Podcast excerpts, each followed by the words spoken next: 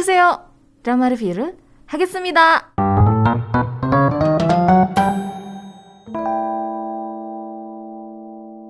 Kali ini aku mau bahas satu drama thriller yang sangat dinantikan yaitu Reborn Rich. Ini judulnya drama thriller, cuman aku ngerasa nggak gitu thriller sih sebenarnya. Kalau dibandingin dengan drama-drama lainnya, cuman nggak tahu apakah karena ini masih awal-awal, karena kan sampai saat ini ya, itu aku nonton baru sampai episode 3, dirilisnya pun baru sampai episode yang ketiga kan mungkin aja sampai episode yang ketiga ini masih pengenalan karakter, masih pengenalan konflik, jadi belum segitu dalamnya gitu. Mungkin ya. Drama ini punya waktu tayang yang cukup unik. Kalau biasanya drama-drama Korea itu kan dirilis seminggu satu episode atau dua episode gitu. Atau mungkin kalau misalnya Netflix kayak semua episode 8 ya 8-8-nya dirilis sekaligus atau 6 biasanya 6-6-nya dirilis. Sementara drama Reborn Rich ini dirilis tiga kali per minggu dan sempat di satu interview gitu uh, Song Joong bilang agak sedikit aneh dengan waktu penayangannya gitu. ya tiga kali per minggu. Bisa ditonton di View ya. Dan untuk brand Indonesia yang juga turut jadi sponsor ini cukup mengejutkan kalau buat aku. Soalnya kan biasanya yang kita sering temukan itu adalah Kopiko ya. Cuma di drama ini yang jadi sponsornya itu adalah Proma sama Fashion Ford. Drama ini diadaptasi dari web novel yang judulnya itu adalah Cebol Jeep Magne Adel karya Sang Kyung yang dirilis tanggal 20 Februari 2017 sampai 11 Januari 2018 di Kakao. By the way, sekarang kamu bisa baca webtoonnya di aplikasi webtoon. Cuman belum tamat kalau di aplikasi webtoon ya. Drama 16 episode ini disutradarai oleh Jung Dae-yeon yang pernah membuat drama-drama terkenal dari MBC. Kayak misalnya nih drama The King Two Hearts, terus Arang and the Magistrate, kemudian Cunning Single Lady, She Was Pretty, wah ini drama hits banget sih. Terus W, Two Worlds Apart, I'm Not a Robot, dan lain-lain. Ini rata-rata aku nontonin sih, cuma The King Two Hearts yang aku nggak nonton kayaknya zaman itu belum mengenal dunia per dramaan Arang aku nonton, Cunning Single Lady aku nonton. Itu uh, udah mulai Cunning Single Lady itu udah mulai mengenal second lead. Si Was Pretty, wah udah tenggelam banget lah sama second lead. Karena si Was Pretty juara banget second leadnya kan, si si Won. Oke, kita balik ke drama Reborn Rich ya. Untuk skripnya, penulis web novel itu ikutan tulis untuk drama ini by the way. Bareng-bareng sama Kim Tae Hee yang pernah menulis drama Beautiful Mind, Monster, kemudian Sung Kyung Kwan Scandal, The Great King Sejong dan lain-lain. Ini sebenarnya kalau kita lihat dari track record uh, penulis ataupun uh, sutradaranya cukup ini ya, cukup macam-macam gitu. Maksudnya nggak terfokus dengan satu genre. Di sutradaranya Jung Dae-yoon drama crime-nya ada, drama dengan bumbu sedikit thriller karena kan W itu ada ada sedikit bumbu thrillernya kan. W itu yang bentar ya, aku takut salah. Taunya yang saya pikirkan ternyata nggak sama, kan gawat. iya bener yang ini kan, yang apa namanya, yang webtoon itu loh, yang diperanin sama Lee Jong Suk sama Han Hyo Joo. Ya itu ada sedikit bumbu thrillernya kan, dikit. Um, terus Sisanya Cunning Single Lady, Si Was Pretty udah pasti romance. I'm Not a Robot juga romance. Arang juga romance kan. Sementara untuk penulisnya, Beautiful Mind ini ada sedikit thriller. Thriller sih nggak sedikit, ini memang thriller crime. Monster ini romance. Uh, Song Kyung Kwan Scandal, romance komedi ya kalau nggak salah. Jadi kayak nggak terfokus dengan satu satu genre gitu sebenarnya kan kalau kita lihat dari track record penulis ataupun sutradaranya. Oke, okay, drama ini nyeritain tentang keluarga Sun Yang yang sangat amat kaya raya banget. Wah ini kayaknya bener-bener kaya banget lah gitu. Ada seorang disebutnya sih kakek ya.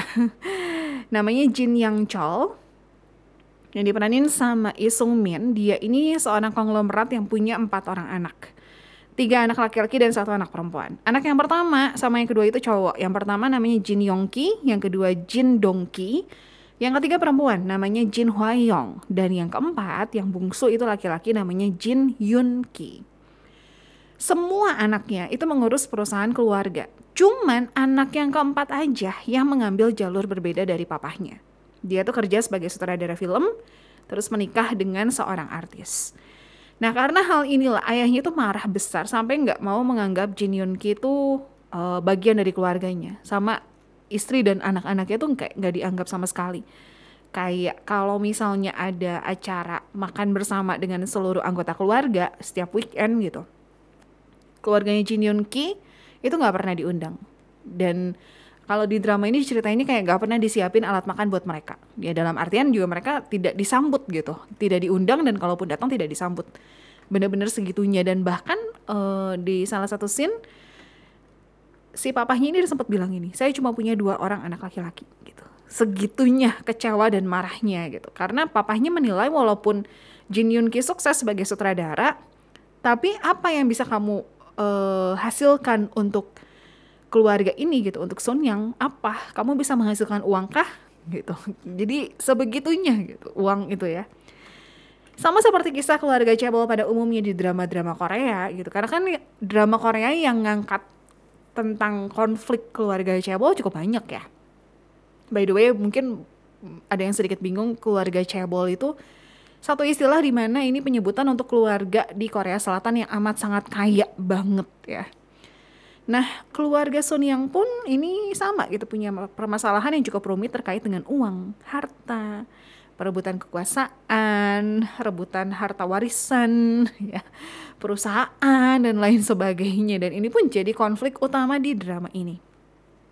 Terus apa dong yang bikin beda dari drama ini? dibandingkan dengan drama-drama Korea tentang keluarga cebol. Karena kan sudah cukup banyak seperti yang tadi aku bilang ya. Drama Korea yang ngebahas tentang keluarga kaya raya itu udah banyak banget. Terus apa dong yang bikin beda? Yang bikin drama ini ditunggu-tunggu dan dinanti-nanti selain karena Song Joong Ki-nya. Drama ini menghadirkan kisah time travel yang dilakukan oleh sekretaris pribadi keluarga Sun Yang. Ya, kalau misalnya kamu nonton drama Korea, kamu pasti sudah hafal dan sudah tahu gitu. Salah satu pekerjaan yang paling berat di drama Korea. Terutama kalau misalnya dramanya berhubungan dengan keluarga cabul, itu adalah pekerjaan sebagai sekretaris pribadi, ya. Yang job desknya tuh unlimited. Alias ngelakuin apa pun kapan pun di mana pun kamu ditelepon udah harus ready gitu di sekretaris tuh ya. Bahkan sampai ngegantiin dudukan kloset di toilet aja itu yang ngelakuin sekretaris pribadi gitu dengan reasonnya uh, si majikannya terlalu sensitif nggak percaya dengan orang lain cuma percaya sama sekretaris pribadinya doang gitu. Sebegitunya. Jadi salah satu pekerjaan yang cukup berat sebenarnya sekretaris pribadi ini. Nah di drama Reborn Rich diceritain ada satu sekretaris pribadi yang kerjanya bagus banget. Namanya Yun Hyun Woo yang diperanin sama Song Joong Ki sebenarnya cukup banyak gitu orang-orang yang kerja di uh, Sun Yang ini. Tapi dari awal kita bisa melihat kalau kinerjanya Yun Hyun Woo itu bagus banget. Dia tipe orang yang rajin dan super duper teliti. Kelihatan dari mana? Dari awal aja ada satu scene di mana uh, ada pertemuan, ya, pokoknya ada pertemuan. Terus uh, pertemuannya tuh diadainnya pakai meja bundar kayak kalau di kita mungkin uh, kayak makan makan keluarga gitu loh, ya. Nah, terus kan disiapin minuman tuh. Dia langsung ngeliat minuman ini mengandung apa aja. Ada salah satunya tuh buah peach dan dia tahu kalau anggota keluarga dari Sun Yang itu alergi dengan peach. Sebegitu detailnya dia. Bagus kan sebenarnya kerjanya. Kalau kita lihat um, latar belakang dari Yun Hyun Woo, dia tuh lahir dari keluarga yang pas-pasan. Mamanya diceritain sudah meninggal dunia dan sekarang dia jadi tulang punggung keluarga membiayai ayah dan adik laki-lakinya. Walaupun kerja dia bagus, ya sama lah seperti drama-drama Korea lainnya gitu. Keluarga eh, rata-rata kan ya anggota keluarga cabul tuh pasti nyebelin. Kalaupun ada ada yang baik paling cuma satu atau dua gitu. Sisanya yang lain nyebelin. Yang menganggap rendah uh, pegawainya, yang berlaku seenaknya sama pegawainya gitu. Banyak maunya, ngeyel juga maunya tuh suka yang ajaib-ajaib gitu ya nggak peduli apa pun kondisi dan situasi pekerjaannya pokoknya harus terlaksana. Harus dapetin apa yang mereka mau. Nah di sini pun sama gitu. Satu kali Hyun Woo itu menemukan sebuah catatan rahasia yang ternyata menemukan ini dan melaporkannya kepada majikannya atau kepada atasan itu malah bikin dia dikejar-kejar dan dibunuh oleh salah satu anggota keluarga Sun Yang. Sedih banget sih karena di adegan ini tuh dia digambarkan uh, dia dikhianati oleh orang yang dia percaya. Dua orang yang dia percaya. Satu adalah atasannya. Atasannya yang mana kan kan banyak tuh ada empat anak kan terus satu kakek juga kan ya tebak aja ya atau nonton aja sama satu lagi adalah bawahan dia yang dia percaya. Itu sedih banget. Wah, dikhianatin. Singkat cerita dia meninggal dunia. Cuman sesudah meninggal, kalau bi biasanya di drama-drama Korea nih, abis meninggal itu kan ketemu sama malaikat maut ya. di drama ini Hyun Woo nggak langsung ketemu malaikat maut, tapi dia justru malah time travel, dia balik ke tahun 1995. Di sini langsung sinematografinya berubah. Kayak coklat-coklat gitu loh. Nah, di tahun 1995 dia nggak jadi Hyunwoo, tapi dia masuk menjadi salah satu anggota keluarga Sun Yang. Dia jadi cucu bungsu dari keluarga Sun Yang. By the way, cucu bungsu keluarga Sun Yang yang namanya Jin Do Jun ini di masa yang kekinian itu, ketika Hyun Woo jadi sekretaris pribadi itu, diceritain kalau udah meninggal dunia. Tapi memang belum diceritain jelas penyebab kematiannya apa, reasonnya apa gitu belum diceritain jelas. Oke, singkatnya Hyun Woo balik ke tahun 1995 jadi Jin Do Jun, tapi dia masih memiliki semua ingatannya sebagai Hyun Woo. Ini sebenarnya agak sedikit rancu sih kalau buat aku ya, karena uh, di tahun 1995 diceritain kalau Hyun Woo itu anak anak kecil, tapi kecilnya nggak kecil banget ya, anak SD atau SMP lah gitu ya. Tapi kan dengan ingatan dia di masa depan gitu ya, maksudnya di masa ketika dia masih jadi Hyunwoo, itu kan dia usianya sekitar 30 atau 40 tahun. Dan aneh aja gitu kalau buat aku. Um, agak sedikit ada plot hole-nya gitu di part ini tuh. Um, dengan ingatan itu, dengan segala informasi yang dia punya, jadi dia tahu kan siapa yang bakal terpilih jadi presiden, daerah mana di Korea Selatan yang nantinya akan berkembang pesat sampai dia juga tahu bahwa akan ada kecelakaan pesawat yang menimpa Jin Yang Chol sampai meninggal dunia. Gitu. Jadi di sini di tahun 1995 ini ketika dia balik jadi cucu bungsu di keluarga Sun Yang, dia itu berusaha untuk mengubah dan ya mengubah sih mengubah um, hal-hal yang sudah terjadi ketika dia masih jadi sekretaris pribadi dia ngalamin gitu. Dia coba ubah. Cuman yang bikin pedih adalah karena di tahun 1995 itu kan dia jadi cucu bungsu di keluarga Sun Yang dan dia sempat mampir ke tempat keluarga aslinya itu sedih banget dan di situ mamanya masih hidup gitu uh Ya kurang lebih seperti itulah ceritanya. By the way kalau misalnya kamu nonton drama ini jangan bingung ya ketika anak ataupun cucu dari Jin Yang Chol itu nggak disebut dengan nama gitu tapi disebutnya dengan angka. Misalnya nih anak pertama disebutnya 1-0. Ini bukan skor pertandingan ya guys. Terus cucunya gitu disebut satu-satu. Ya. Kenapa ada yang disebut juga 2-0, 3-0, 4-0, 4-1. Ini bukan skor sekali lagi ya. Mereka nggak lagi tanding, enggak. Jadi uh, reason kenapa mereka disebutnya dengan angka itu untuk menjaga kerahasiaan dan menghindari media. Jadi di keluarga Sun Yang itu ada aturan di mana orang-orang yang kerja sama Sun Yang family nggak boleh nyebut nama anggota keluarga tapi diganti jadi angka. Biar menjaga kerahasiaan. Misalnya nih um, tim keamanannya lapor gitu ya dari yang basement misalnya ke uh, ruang tamu gitu tim keamanan di ruang tamu. Yang basement lapor. satu nol sudah tiba jadi artinya anak pertama sudah datang. Jadi yang di ruang tamu mungkin bisa siap-siap gitu. Contohnya seperti itu. Jadi nggak disebutin uh, Jin yang cowok sudah tiba enggak. Biasa 1 0 2 0 gitu. Disebutnya seperti itu. Um, kita bahas sedikit yuk pemain-pemain yang ada di sini ya. Sebenarnya di drama ini tuh udah cukup banyak aktor-aktor atau aktris-aktris yang udah sering kamu lihat di drama-drama Korea. Kita bahas ada siapa aja. Yang pertama udah pasti Song Joong Ki ya. Song Joong Ki di sini itu berperan sebagai Ntar mana? Di sini dia berperan sebagai Yoon Hyun Woo sama Jin Do Jun. Jadi dua karakter ya. Hmm, Buat yang udah sering nonton drakor pasti udah nggak asing dengan Song Joong Ki. Dia itu bisa nampilin sisi maskulin sekaligus cute dalam waktu yang bersamaan. Dan aku ngehnya itu di drama Song Kyung Kwan Scandal sama di um, um, um, um, um, um, um, Descendant of the Sun juga. Dan di drama ini juga dia nunjukin sisi itunya gitu. Cute sekaligus maskulin, bisa dari maskulin gitu tiba-tiba dia tampilin cute dan gemas gitu.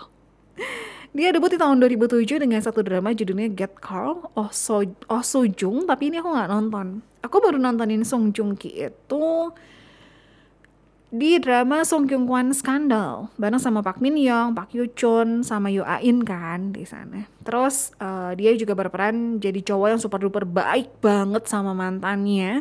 Padahal mantan itu udah berkhianat dan jahat banget. Aku gemes banget sama drama ini drama itu The Innocent Man bareng sama Moon Jae-won asli di drama Innocent Man ini dia baik banget karakternya sampai gemes Terus namanya makin meroket ketika Song Joong Ki itu berperan di drama Descendant of the Sun ya tahun 2016. Ini satu drama yang hits banget yang sampai saat ini kayaknya jadi satu salah satu drama yang wajib kamu tonton kalau kamu mau nyemplung ke dunia K-drama. Dan rata-rata kayaknya kalau orang yang udah nonton drama kamu tanya udah nonton Descendant of the Sun belum? Pasti jawabannya udah. Kayak jadi satu drama wajib tonton gitu. um, setelah itu udah pasti ya semua drama-drama atau film-film yang dia peranin jadi ditungguin banget sama penggemarnya gitu. Misalnya nih kayak Artel Chronicles, walaupun memang dia baru uh, season yang baru dia nggak ikutan. kayak agak sedikit aneh gak sih? Season baru tapi pemainnya diganti gitu. Aku sih ngerasa awkward ya, kayak drama itu tuh drama Makjang uh, Marriage and Divorce itu kan udah dua season terus season yang ketiga tiba-tiba diganti pemainnya kayak aneh gitu. terus uh, Song Joong Ki juga main di Vincenzo. Kalau untuk filmnya tuh ada Space Sweepers juga, terus dia jadi cameo di Little Woman dan banyak banget yang nungguin seperti yang tadi aku bilang gitu. Pas udah muncul penontonnya kayak nggak puas dan pada protes. Kok cuma bentar sih munculnya? Ya kan jadi cameo bukan pemain utamanya. Tapi beneran itu di Little Woman ditunggu banget tuh kemunculannya Song Joong Ki ya. Oke, okay, berikutnya adalah Lee Sung Min. Lee Sung Min di sini berperan sebagai Jin Yang Chol, si kakek kaya itu. Dia aktor senior yang di tahun ini sebenarnya tahun 2022 banyak banget project film dan dramanya. Selain Reborn Rich, dia itu berperan di drama Juvenile Justice sama Shadow Detective. Aku tuh pengen nontonin Shadow Detective tapi kelupaan terus loh. Padahal dari minggu kemarin udah niat mau nonton Shadow Detective biar bisa dibahas di Asiatic, tapi kelupaan terus. Sementara kalau untuk filmnya tahun 2022 ini dia ada project The Devil's Deal sama Han, terus ada satu lagi Remember. Remember ini yang bareng sama Nam Joo Hyuk gitu Terus ada Shin Hyun Bin. Shin Hyun Bin di sini berperan sebagai So Min Young, seorang jaksa.